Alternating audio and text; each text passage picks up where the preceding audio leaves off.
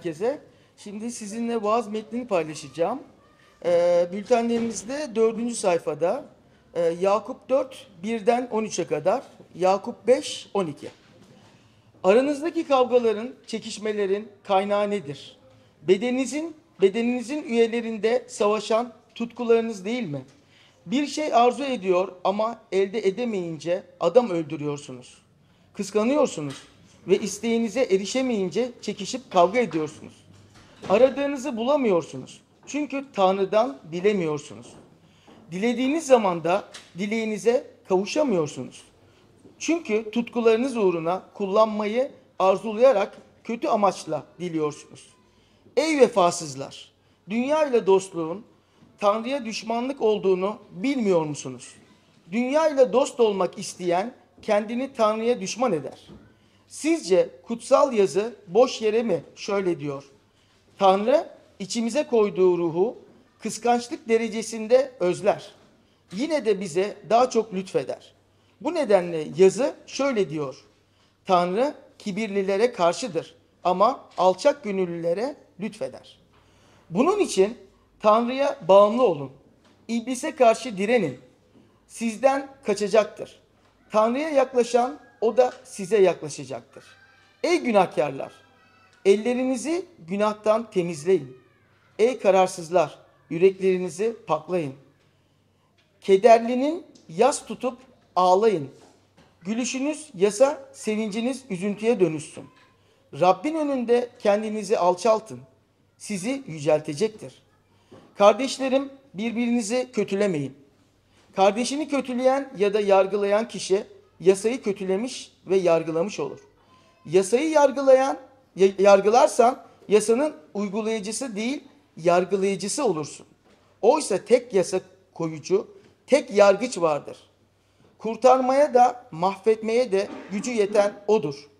Ya komşusunu yargılayan sen kim oluyorsun? Her şeyden önce kardeşlerim yemin etmeyin.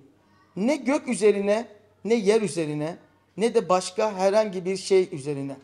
Söylemek istediğiniz söz evet ise evet, hayır ise hayır deyin ki yargıya uğramayasanız. Tanrı sözüdür.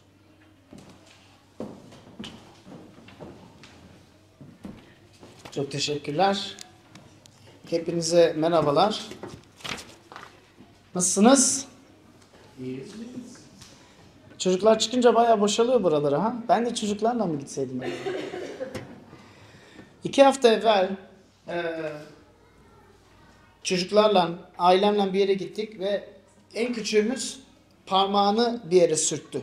Ve bayağı bir em, bayağı bir yara oluştu. Ve çok ağladı ve çok acıdı. E, işte yara bandı aradık ve merhem aradık. E, ve en sonunda merhemi bulduk. Merhemi alıp e, parmağına uyguladık. Yara bandından kapattık. Size de oldu mu öyle bir şey? Parmağınızı, ayağınızı, dizinizi yaraladığınız hiç olmadı mı? Tamam en azından birkaç kişi. Sizinle bunu neden paylaşıyorum? Bugünkü bakacağımız konu aslında bütün baktığımız mektup, Yakup'un yazdığı mektup. Yakup İsa'nın yarı kardeşiydi. Bildiğinize göre milattan sonra 40'lar yılında yazılmış bir mektup. Yakup bu sözlerini, yazdıklarını hatta sadece kendini yazdıklarını değil eski antlaşmayı, Tevrat'ı, evvelden yazılmış olan bütün her şeyi insanların bir e, merhem ve bir yara bandı gibi kullanmaları için yazıyor. Ve bilmiyorum e, bugün e, buraya geldiniz ayağınıza sağlık e, farklı e, dünya görüşlerden bir araya gelip paydaş, hayatta paydaşlık yapıp birbirimize teşvik olmak için bunu bu ruhsal arayışı birkaç yıldır yapıyoruz. Farklı yerlerde yapıyoruz. Bugün buradayız. Sup, Levon Kilisesi'nin bahçesindeyiz. Başka zamanlar Kadıköy sinemasındayız. Ve vizyonumuz bu, bu, bu şehrin güzelleştirilmesine destek olmak. Bütün insanlar için daha güzel bir ortam oluşmasına destek olmak. Um, Ama bunu yapabilmemiz için Yakup'un yazdıklarını ilk önce kendimize uygulamamız lazım. Bunu yapabilmemiz için e, bizden başlamamız lazım. Ve biz bu seride um, toplumsal sıkıntılara bakıyoruz ve bir sıkıntı ilişkiler. İş, ilişkiler bozuluyor. İlişkiler um, çürüyor. Um, en iyi dostlar 3-4 yıl sonra düşman oluyor, kavga ediyor, küfür ediyor, küsüyor, kin tutuyor, kötülüyor, dedikodu yazıyor ve ve Yakup'un yazdığı bir miktar, mektubun bir miktarı bu ilişkilerle e, ilgileniyor, ona odak veriyor. Ve bugün dost olmak ne demektir konusuna bakacağız. Bir dost olmak, arkadaş olmak ne demektir? Ve iletişimimizi nasıl sürdürmemiz lazım dost olabilmemiz için? Yani e, belki kafanız biraz karıştı. Belki me- mektubu okudunuz, belki buradaki bültendeki ayetleri okudunuz ki birkaç haftadır yapıyoruz. Ocak ayından beri Yakup'tayız. Am, ve Yakup'un yöntemi belki biraz kafanızı karıştırıyor. Belki diyorsunuz ki ya bu yani yap yapma listesi gibi bir şey. Yani işte Yakup şunu şunu yap, şunu yap, şunu yap, şunu yapma, şunu yapma, şunu yapma, şunu yap, şunu şunu şunu şunu şunu yapma ve böyle sanki çok böyle bir yasa kitabı okurmuş gibi geliyor ve ben- insanlar böyle benim gibiseniz biraz insan bunalıyor. Böyle ya artık yeter ya hep de yani yap yapma biraz başka bir şeyler yazamaz mısın diye. Ama bakın Yakup'un burada bir sistematik yöntemi var ve belki bunu gözden kaçırabiliriz. Am, bugün doğru ve doğru sözler, e, kötülemekle ilgileniyoruz ve Yakup'un burada yapmaya denediği şey ve tema nedir? Pratik ve etkili bir iman hayatının yaşamının gizeminden bahsediyor. Yani bu prensipleri nasıl uygulayabiliriz? İmanlı olarak İsa'ya inanıyoruz dediğimizde, kelama inanıyoruz dediğimizde bunlara göre nasıl adım atabiliriz? Bunları nasıl pratik bir şekilde hayatımıza, nasıl parmağımızdaki yaraya merhem uyguluyorsak bu kelamlarımızı nasıl uygulayabiliriz ve ve müjdeyi nasıl hayatımıza uygulayabiliriz? Ve gizem bu. Yakup diyor ki o sözleri dinleyip unutursan hepsi boş. Hiç dinleme daha iyi diyor. Birinci bölümde 23. ayette anahtar ayete baktık. Bir, bir, bir kelamı bir aynayla kıyaslıyor. Eminim ki hepiniz evden çıkmadan aynaya bakıyorsunuzdur. En azından hanımlar bakıyordur. Umarım erkekler de bakıyordur. Bazen çok garip şeyler olabilir bakmazsak. Ee, ve, ve Yakup diyor ki aynaya bakıp gördüğünü unutan çok yanlış yapıyor. Çok tehlikeli bir yöntem seçiyor diyor. Ve imanımızda böyle yürürsek o zaman etkisiz ve boş yani sadece sözlerden oluşan bir e, bir yapı. Yani gerçek iman değil diyor. Ve sır şudur diyor. O gerçeği, yasayı, Musa'nın yazdıklarını, sonraki yazarların yazdığını duyup kalbimize uygulamamız lazım diyor merhem gibi uygulamamız lazım ve yüreğimizi, kalbimizi tutuşturana kadar uygulamamız lazım. Alevlene kadar tutuşturmamız lazım. Hayatımızda hissedip etkilenebilene kadar tutuşturmamız lazım diyor.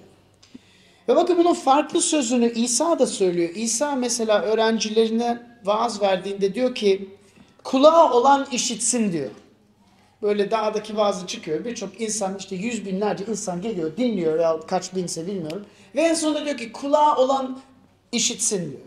E ne demek yani kulaksız insan mı vardı o zaman? Hayır. Ama kulağı olup aynı zamanda işitmek farklı şeyler. Bakın bazılarınızdan hafta içinde e, irtibatta kalıyoruz ve ve bazılarınız bana sonradan diyor, Aa, bak geçen hafta söylediklerin gerçekten hayatıma dokundu. Ee, Evet geçen hafta e, şundan bahsettin ve biz şöyle uyguladık. Söylediklerini unutmadık ve hayatımızı şöyle değiştirmeye çalıştık. Çok teşekkürler. Rabbi yücelik olsun. Bazılarınız gelip dinliyor. Çok güzeldi, çok teşekkürler diyor. Sonra soruyorum neyi beğendin diyorum. Abi ya unuttum diyor. Tam olarak ne üzerine konuşmuştun? Konu neydi? Hatırlatır mısın? Bak Yakup'un bize uyardığı şey bu. Aynaya bakıp unutursak etkisiz kalıyor. Buraya gelmek bir şey değil. Belki belki bu bir alışkanlık hale geldi ve bu bir tehlike. Belki bütün bu metinleri 3 defa 10 defa okudunuz ve yeni bir şey anlatmıyor artık bana diyorsunuz. Ama bilmek ve uygulamak dünya kadar farklı bir şey. Arasında uçurumlar var. Ve Yakup'un istediği bu kelimeleri sadece duymak değil, uygulamak. Son haftalara baktığınızda Rabbin sözünü uyguladınız mı? Hristiyanlara konuşuyorum şimdi. İsa'ya inanıyorum diyen. Neyi uyguladınız? Yoksa sadece bilmek peşinde misiniz? Paulus diyor ki bilmek böbürlendirir diyor. Kibirlendirir diyor. Ama sevgi bizi değiştirir diyor. Ve bugün bu konumuzun e, kutupları aşağı yukarı bunlar. Dedikodudan bahsediyoruz bugün. Am, kötülemeden bahsediyoruz. Ya, yargılayıcı bir yaklaşımdan bahsediyoruz. Ve bilmiyorum kendi hayatına baktığınızda böyle yöntemler, yönler görüyor musunuz? Ara sıra kendinizi böyle tutukluyor musunuz? Ah dedikodu yaptım ya istemeden. Ah istemeden kardeşimi kötüledim, küçümsedim. İstemeden eee, aslında sevdiğim bir insanı yargıladım. Ve Yakup burada sadece bunu yapıyorsan vazgeç ve bırak demiyor.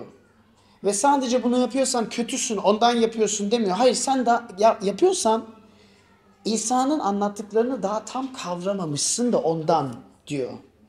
Müjdeyi, iyi haberi anlamamışsın. İsa'nın ne anlatmak istediği, hangi yolu izah etmek istediğini daha anlamamışsın. Ondan hala bundan vazgeçemiyorsun diyor. Kalbinin değişmesi lazım ve alevlenmesi lazım diyor. Bu bölümde dost olmaktan bahsediyor ve size çok üç kelimeyle bahsedeceğim. Yakup'un söylediği çok basit. Aslında ondan sonra elveda deyip eve gidebiliriz. Dost olmak sevgiyle doğruyu konuşmak demektir. Çok basit.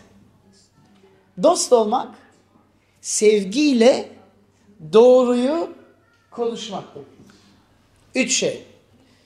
Şimdi bunu sırasına biraz değiş tokuş yapıp teker teker yürüyeceğim. Konuşmak tam ne kastediyor Yakup? Doğruyu konuşmak ne demek Yakup'a göre? Ve sevgiyle doğruyu konuşmak Yakup'a göre ne demek? Üç şey.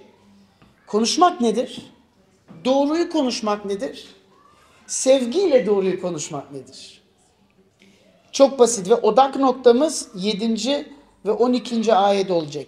Geçen hafta bu metinin bir parçasını zaten kapsamıştık. Hazır mısınız? Başlayalım mı? Konuşmak. Yakup konuşmaktan neyi kastediyor? Konuşmak, iletişim nasıl bir şey? Bakın size metnin biraz akıntısı, akışını hatırlatmak istiyorum. Um, dördüncü ve altıncı ayete bakarsanız, geçen hafta da oraya kadar um, aşağı yukarı yapmıştık.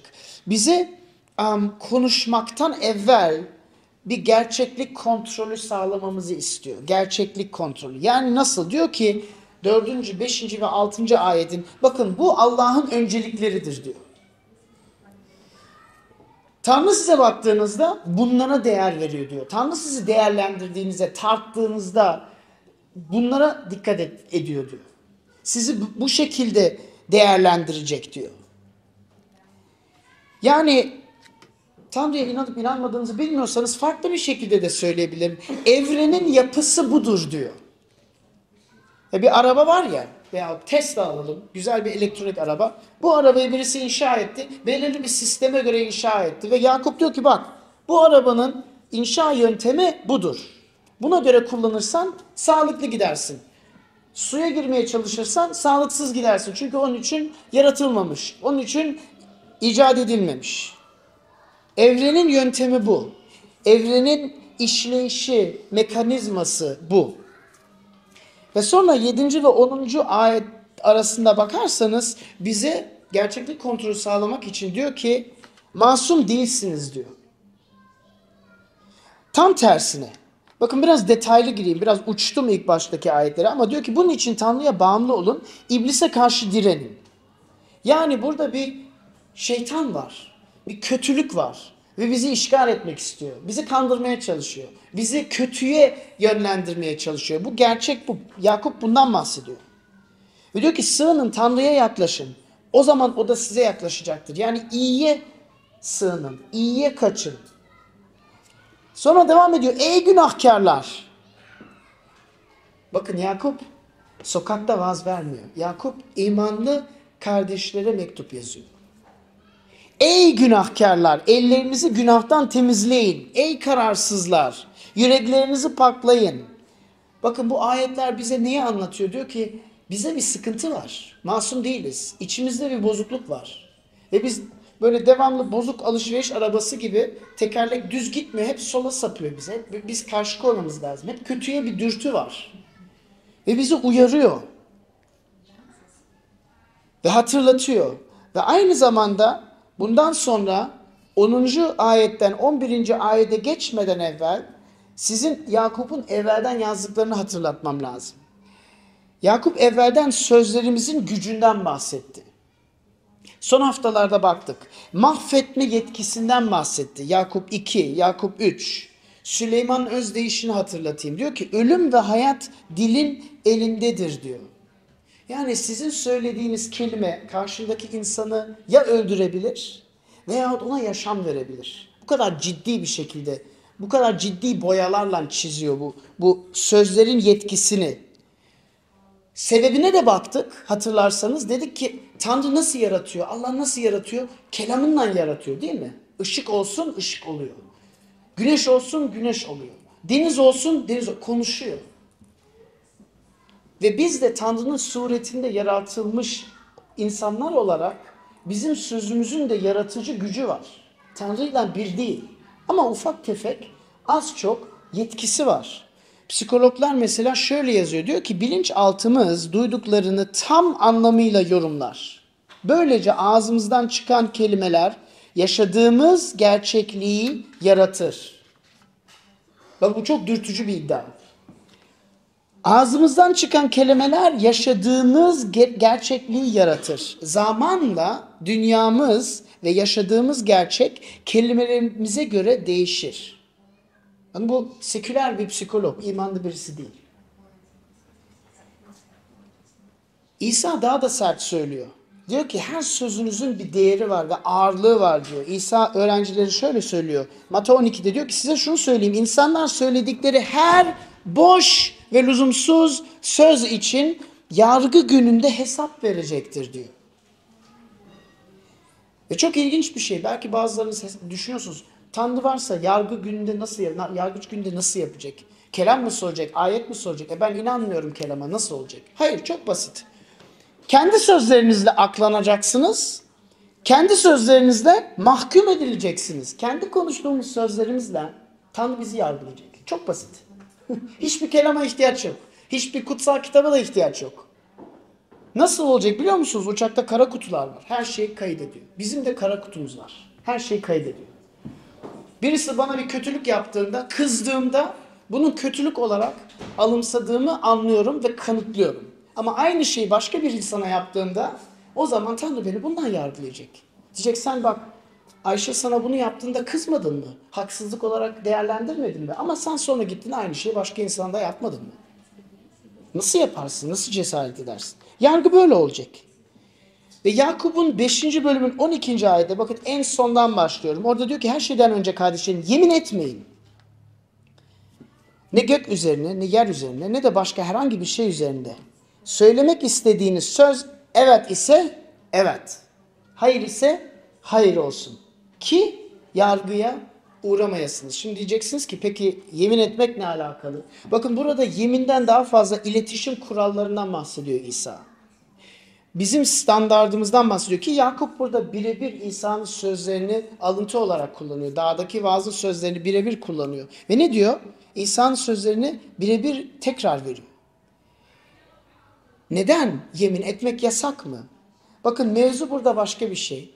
Yakup'un söylemek istediği şey her sözünüz sanki yemin edermiş gibi konuşun.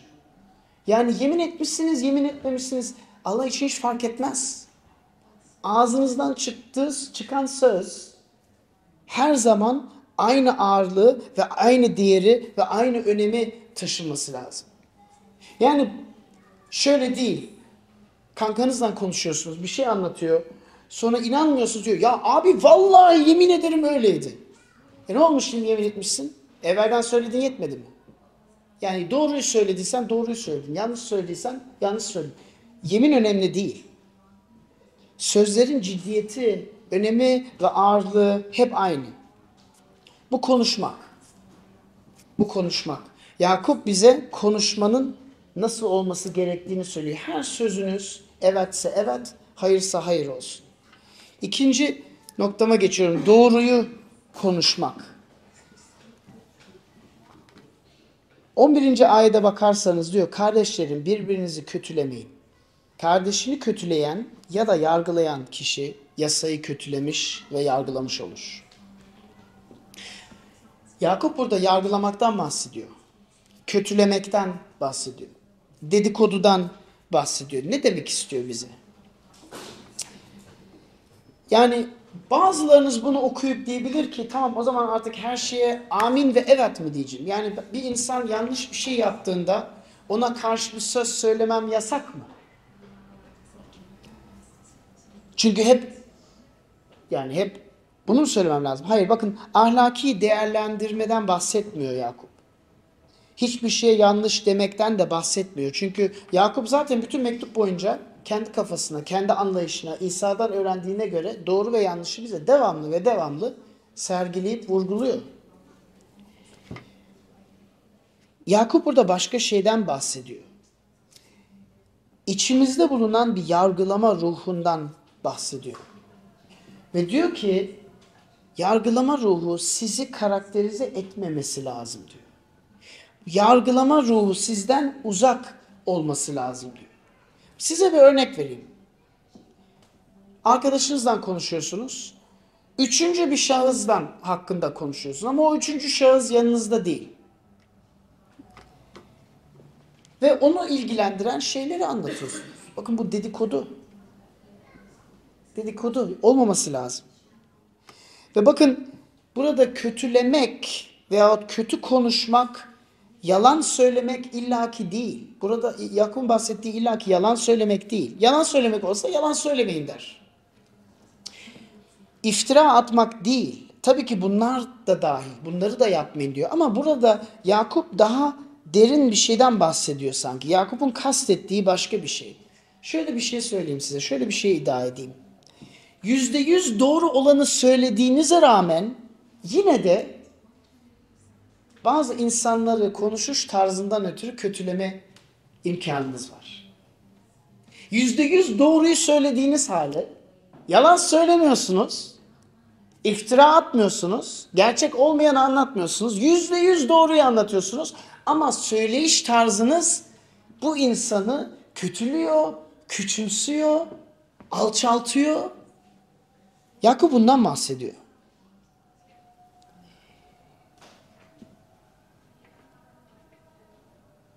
Bir örnek vereyim size.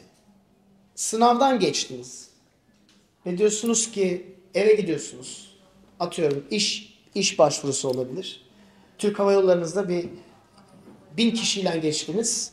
Diyorsunuz ki ya sınav kolaydı ama hiç kimse soruları başaramadı. Tabii benden benden başka. Belki doğruyu söylüyorsunuz. Ama şu an kendinizi yükselttiniz ve bütün herkesi alçalttınız, küçümsediniz. Anlıyor musunuz?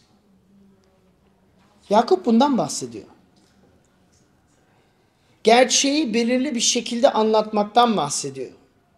Yakup burada sadece doğruyu söylemekten değil, doğrunun ötesinden bahsediyor. Yakup'un sorduğu soru şu. Anlattığını neden anlatıyorsun? Paylaştığını hangi amaçla paylaşıyorsun? Konuşma amacın nedir? Bakın doğruyu kullanıp insanları cezalandırmak için de kullanabiliriz. Doğruyu alıp kötü amaçlarla da kullanabiliriz. Yakup bundan bahsediyor.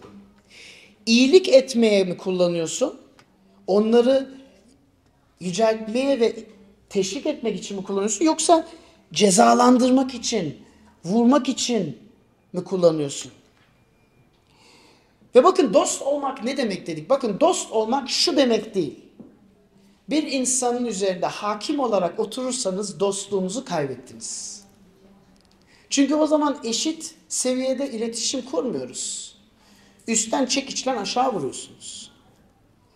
Yargıç, yargıcın görevi bir insanla iletişim kurmak değil. Yargıcın görevi yargılamak. Ve bir insan bir insanı baştan atmak, belki geri ödemek, belki bir haksızlık var ortada. Belki belki e, sosyal açıdan zedelemek. Yargıcın görevi farklı. Ve bir dostun görevi farklı. Yargıcın kararı bir insanı ciddi bir şekilde incitebilir ve o yetkisi var. Ama bir dostun bu yetkisi yok. Dediğim gibi hedef iyilik yapmaksa, hedef kötülük yapmaksa bunu yapmaması lazım. Hedef iyilik yapmaksa o başka bir şey. Bunu kendi hayatınızda görüyor musunuz? Kendi hayatınızda doğruyu kullanıp ben doğru, bak hep doğruyu söyledim. Hep doğruyu söyledim. Ama doğruyu söylüyorsunuz ve yine de inciterek kullanıyorsunuz. Bunu gördünüz mü hiç hayatınızda? Peki nasıl doğruyu söylememiz lazım? İsa bize Mata 7'de örnek veriyor. Diyor ki kardeşinde bir şey gördüğünde, yardım etmek için gittiğinde önce kendi eksikliklerini aş ve ondan sonra konuş. Size kısaca kısaca birkaç prensip vereyim. İlk önce bir insanı insana doğru söylemek istediğinizde gereken şey doğruysa kendimizi sorgulamamız lazım. Konuşma amacım nedir? Beni mi rahatsız ediyor? Beni mi sinirlendiriyor? Konuşma sebebim bencil mi? Konuşma sebebim artık bıktımdan dolayı mı? Konuşma sebebi beni rahatsız ettiğinden dolayı mı? Beni incittiğinden dolayı mı? Yoksa konuşma sebebim gerçekten bu insana yardım etmek istediğimden, bu insana hizmet istediğimden, bu, bu insana iyilik etmek istediğimden mi kaynaklı? Bu birinci. İkincisi, Allah'a dua edip bilgelik istediniz mi? Konuşmadan evvel, yatay ilişkilerle ilgilenmeden evvel dikey ilişkiye gidip sorup dua ettiniz, bilgelik istediniz mi? Gerçekten gidip konuşayım mı? Ne söyleyeyim? Nasıl söyleyeyim? Bu insan beni doğru anlayacak mı? Bu insanı ben incitecek miyim acaba istemeden? Bu neden önemli? Çünkü bir insanı iyileştirmek bizim elimizde değil. Tanrı'nın elinde. O bizi bir alet olarak kullanabilir. Üçüncü soru. Bir şey gördünüz, bir şey rahatsız etti. Ama bu sadece tek defa mı gördünüz? Tek olay mı? Atıyorum birisi size sokakta 10 defa selam verir, bir defa selam vermedi ve siz diyorsunuz bak geçen gün sen beni gördün ama selam vermedin bu ne kadar küstahlık ya. Yoksa devamlı sergilenen bir davranış mı, kalıp ha- kalıp hale gelmiş bir şey mi? Tek olaysa unutun vazgeçin. Sağlıklı bir şey değil. Dördüncü soru. Belki çok sayıda eleştirilecek şeyler gördünüz sizce. Belki 6, 7, 8 tane şey gördünüz. Ama bakın sözlerle iletişime geçmek bir cerrahı bıçağı alıp kanseri kesmek gibi bir şey. Ve doktor her zaman önce bir şeye odaklanır.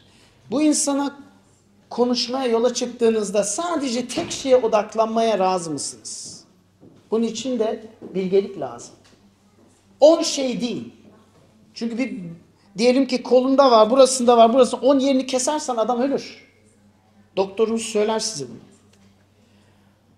Beşinci soru. Ameliyat ederken madem Rab'den dua ettiniz, madem ki devamlı sergilenen bir şey ve eminsiniz bunu kendiniz için yapmıyorsunuz, karşınızdaki insana iyilik yapmak için yapıyorsunuz. Ameliyatta mümkün olan en küçük zararı vermeye kararlı mısınız? O sözlerinizden bıçak gibi keserken en küçük yeri kesmeye razı mısınız? Ve son olarak gördüklerinizi, gözlemlediklerinizi varsayım olarak değil, sadece soru olarak sunmaya hazır mısınız? Birçok defa bir insan bir şey gözlemliyoruz ama aklımızda bir yargı oluşuyor. Ve bu yargı gözlemlediğiniz şey değil. Bu yargı sizin gördüğünüzün yorumu. Dikkatli olmamız lazım. Konuşmak nedir? Doğruyu konuşmak nedir? Ve nasıl konuşabiliriz? Ve şimdi bunu sevgiyle nasıl yapabiliriz? Son noktama geliyorum.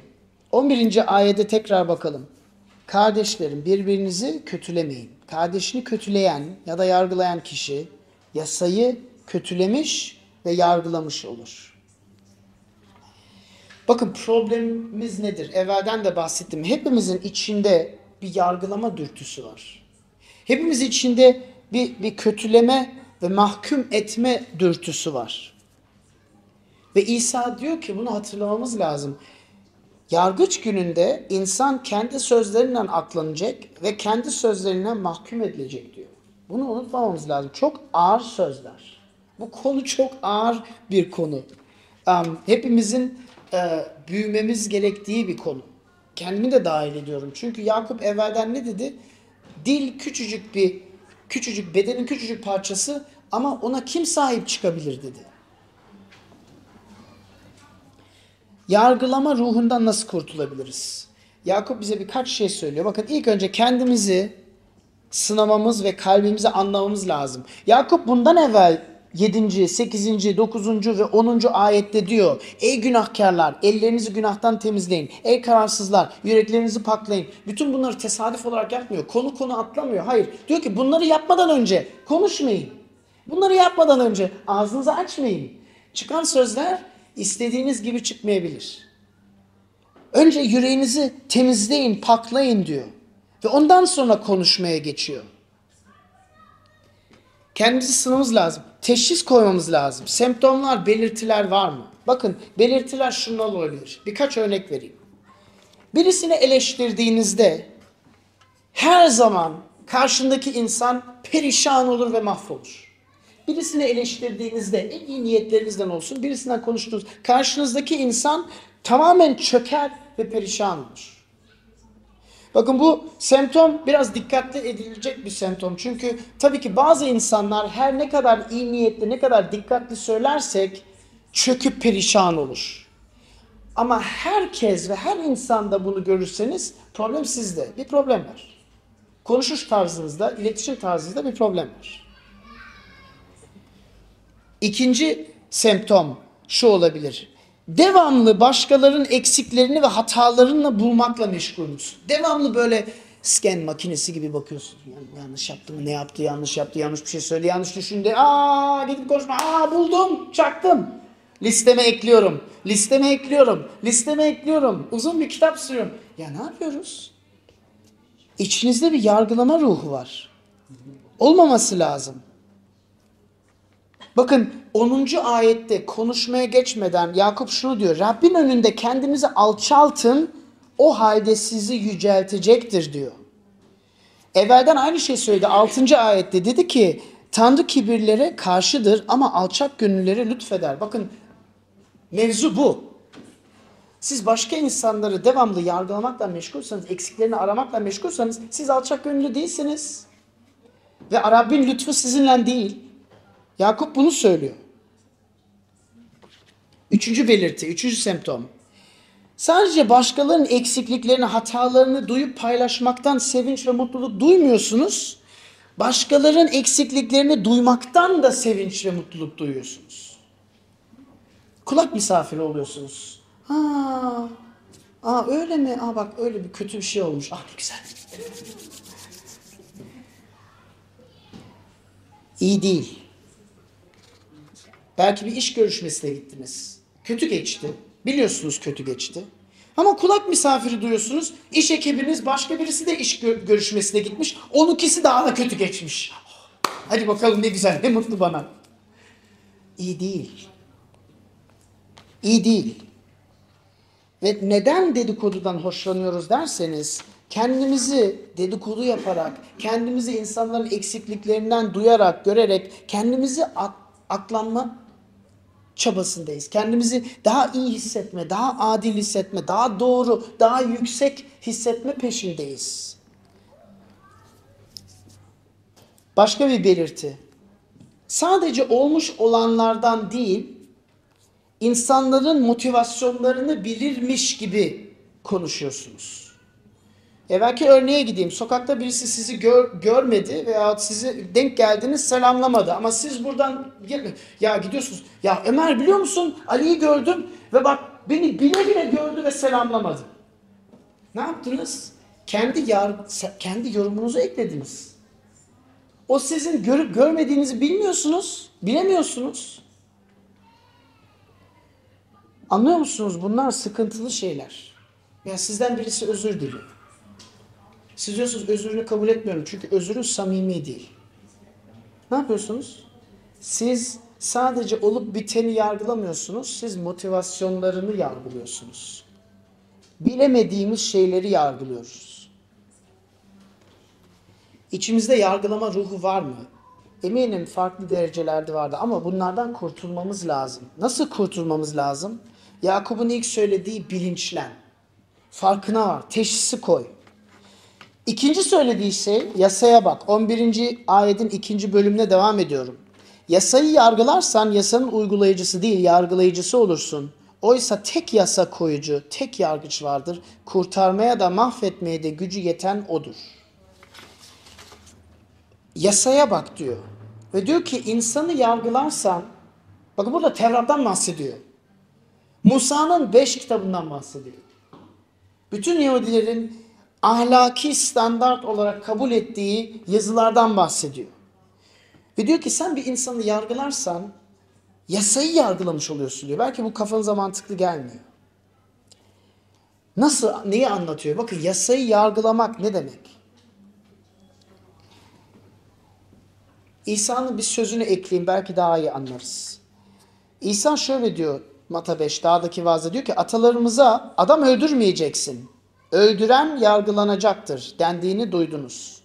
Ama kardeşine öfkelenen, aşağılayıcı söz söyleyen, kötüleyen herkes yargılanacaktır. Kim kardeşine ahmak derse cehennem ateşini hak edecektir. Bugün çok ağır sözler. Bi- Biz İsa'yı böyle çok sevimli, sevgi dolu, nazik, yumuşak huylu. Yok, dikkatli okursak İsa'nın sözleri gerçekten çekiç gibi geliyor, kapak gibi geliyor yani.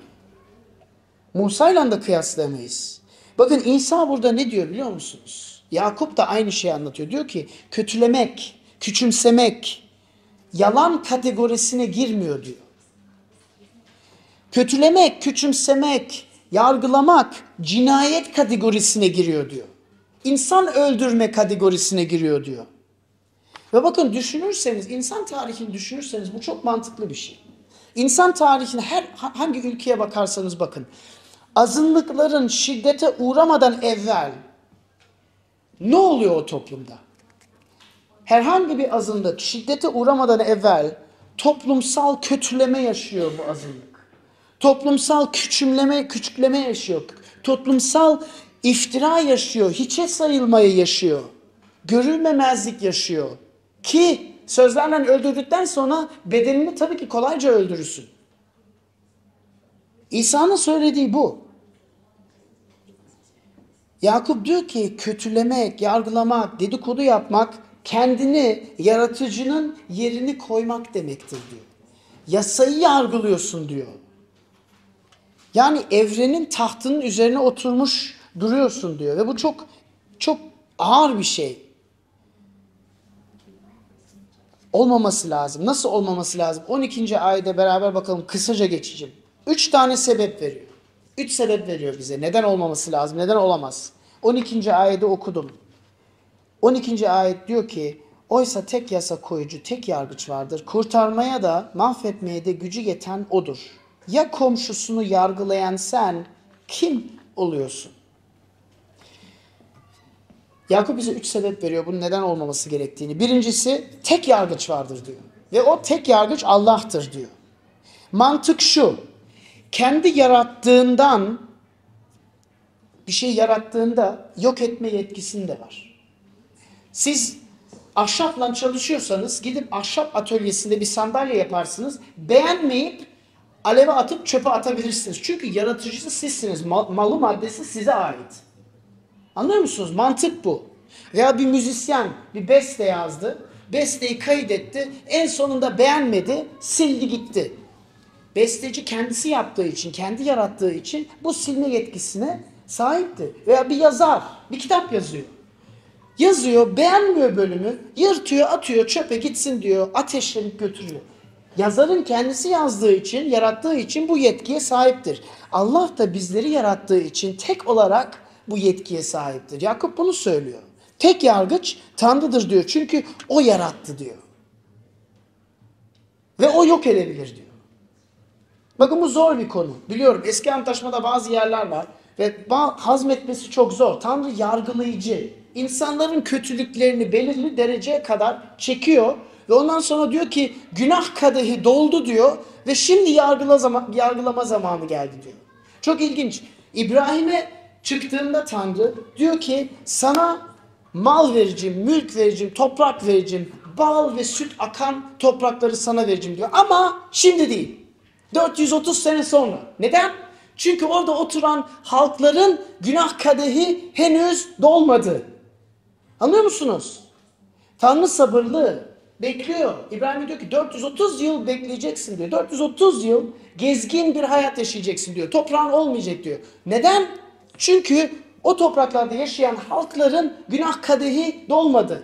Dolunca seni kullanıp onları yargılayacağım diyor. Bu kadar basit. Ve Tanrı'nın yetkisi var bunu yapmaya. Çünkü yaratıcı odur. Bu birinci sebep.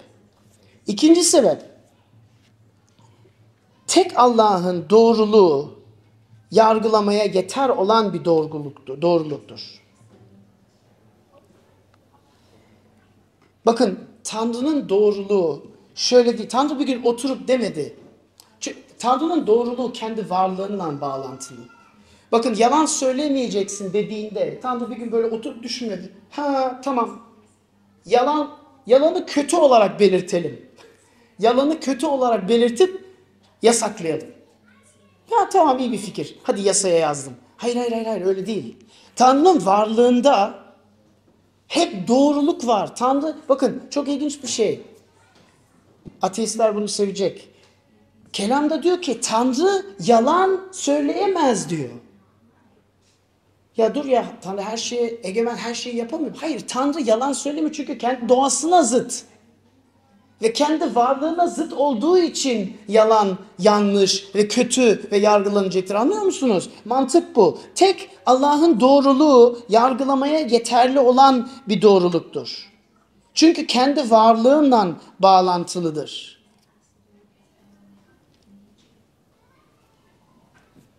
Üçüncü olarak, son olarak tek Tanrı'nın bilgeliği yargılamak için yeterlidir. Neden bahsediyorum? Bakın biz bir insanın ne yaptığını görebiliriz. Belki konuştuğunda üç aşağı beş yukarı neden yaptığını da anlayabiliriz dinlersek. Ama insanı yargılama bilgeliğimiz yok. Neden yok? Çünkü bakın bu insanın hayat hikayesini bilmiyoruz. Hangi ailede büyüdüğünü bilmiyoruz. Çocukluğunun nasıl geçtiğini bilmiyoruz. Ebeveynlerin nasıl olduğunu bilmiyoruz. Bu, bu insan hangi derecede sevgi gördü veyahut hangi derecede sadece çocukluk boyunca sadece dayak yedi bilmiyoruz. Geldiği durumun koşullarını bilmiyoruz. Peki bunların hepsini bilmiyorsak nasıl yargılayalım bir insanı? Bunların hepsini bilen tek birisi var. Tanrı var ve Yakup'un burada söylediği şey bir insanı yargılamak için bilgeliğiniz yetersiz ama insana iyilik yapabilmek için, sözlerinizden teşvik edebilmek için, sözlerinizden onu inşa edebilmek için bilgeliğiniz yeterlidir. Çünkü insan benim suretimde yaratıldı. Bakın birçok şeye baktık. Tanrı'nın yaratıcı olduğuna baktık. Tanrı'nın bilgeliğine baktık ve Tanrı'nın doğruluğuna baktık. Bundan bu sebeplerden dolayı tek Allah yargılayabilir. Biz yargılayamayız. Ve ilginç olan şey nedir biliyor musun? Bütün bunları arttırın. Ne dedik? Tek yargılayabilecek, tek hakka sahip olan Tanrı'dır dedik değil mi? Ve Tanrı'ya baktığımızda ne görüyoruz? Bakın İsa, İsa'yı denemek için zina ederken tutuklanan bir kadın getiriyorlar İsa'ya. O öyküyü hatırlıyor musunuz? Çok ilginç bir öykü. Ben ilk okuduğumda diyorum ki erkek nerede? Yalnız başına mı zina işledi? Koca nerede? Yok sadece kadını tutukladılar. Çok ilginç. Tamam. Ee, herhalde kaybolup gitti. Neyse. İsa'yı deniyorlar. Diyor ki bak hoca ne yap? Bu kadını zina işlerken yakaladık. İsa ne diyor? Günahsız olan ilk taşı atsın diyor. Ve ne oluyor? Herkes dağılıyor. Değil mi? Herkes dağılıyor. Hatta İsa yere kımıldayıp kuma bir şeyler yazdığını okuyoruz. Bunu kimse bilmiyor. Bazıları diyor ki İsa oradaki olan insanların günahlarını yazıyordu. Kendi kendine. Ama emin değiliz. Öyle bir şey net değil. Bazıları da erkeklerin isimleri yazıyor. Belki isimlerin erkeğin ismi yazıyordur evet. İlginç olan şey o ortamda tek yargılama yetkisi olan kimdi? İsa'ydı. Tanrı'nın ta kendisi oradaydı. Ve İsa ne diyor? Yargılamadılar mı seni diyor. O zaman ben de seni yargılamayacağım. Git artık günah işleme. Bakın dedik ki tek yargılayabilecek kişi yaratıcı olmalı, sonsuz bir bilgeliğe sahip olmalı ve doğruluğa sahip olmalı dedik. Ama bu özellikleri birleştiren kişi insan oluyor, yaşıyor ve insanları yargılamaktansa ne yapıyor? Kurtarıyor. Kurtarıyor. Ve bakın Yakup bunu burada yazıyor. Diyor ki tek yargıç vardır. Kurtarmaya da mahvetmeye de gücü yeten. Tanrı'nın ta kendisi geliyor ve insanları yargılaması gerekirken, hepimizi yargılaması gerekirken, bakın hiç kimsemizin öz- özürü yok, hiç kimsemizin bahanesi yok. Hepimizi yargılaması gerekirken ne yapıyor?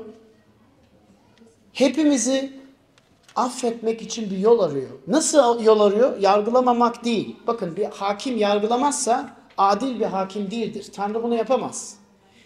Ama yargıyı kendi üzerine alıyor. Ve Yakup bunları yazarken eminim ki gözünün önünde kendi yarı kardeşi Çarmıh'ta kan içinde öldüğünü hatırladı, hatırlıyor. Eminim bunları yazarken çünkü diyor ki kurtaran tek bir Tanrı var diyor. Ve bu kurtaran Tanrı yargılayıp mahvedebilir diyor. Bakın çarmıha baktığımızda ne görüyoruz? Doğruluğun ve sevginin bir araya gelmesini görüyoruz. Nasıl sevgiyle doğruyu konuşabilirim derseniz çarmıhı düşünün. Çarmıhı düşünün çünkü çarmıhın yolu budur. Evrenin yargıcı, alan ta kendisi, cezayı, gazabı ve bütün yargıyı kendi üzerine alarak bir kurtuluş yolu çiziyor insanlar için. Bir kefaret yolu çiziyor ve açıyor. Bakın İsa Mesih'in çarmıha gerilmesi bir kaza değildi. O düştüm, bu nasıl oldu başıma, nasıl geldi değil. Bunu baba, oğul ve kutsal ruh zamanlar başlamadan evvel tasarlayıp planlamıştı. Kendi iradesiyle İsa Mesih çarmıha geliyor. Bizleri sevdiğinden dolayı çarmıha gerilmeye razı. Buna inanabiliyor muyuz? Bakın hayatın dönüm noktası bu. Çünkü buna inanıyorsanız Yakup'un mektubu sizin hayatınızı alt üst eder. O aynaya baktığınızda hayatınızı şimşek gibi çarpıp alt üst eder. Ve bunu yaptığımızda Yakup'un sözleri tamamen mantıklı gider. Ya komşusunu yargılayan kim? Sen kim oluyorsun? Allah'ın ta kendisi insanoğlu dünyaya gelip o bile insanları yargılamadıysa ilk elde, ilk aşamada sen kim oluyorsun ki onu yapıyorsun? Bu sözlerle kapatmak istiyorum. Yakup'un söylediği bunları dinle. Unutma, düşün, merhem gibi yaralarına sür, uygula ve kalbini alevlendir ki değişim yaşa. Dua edelim.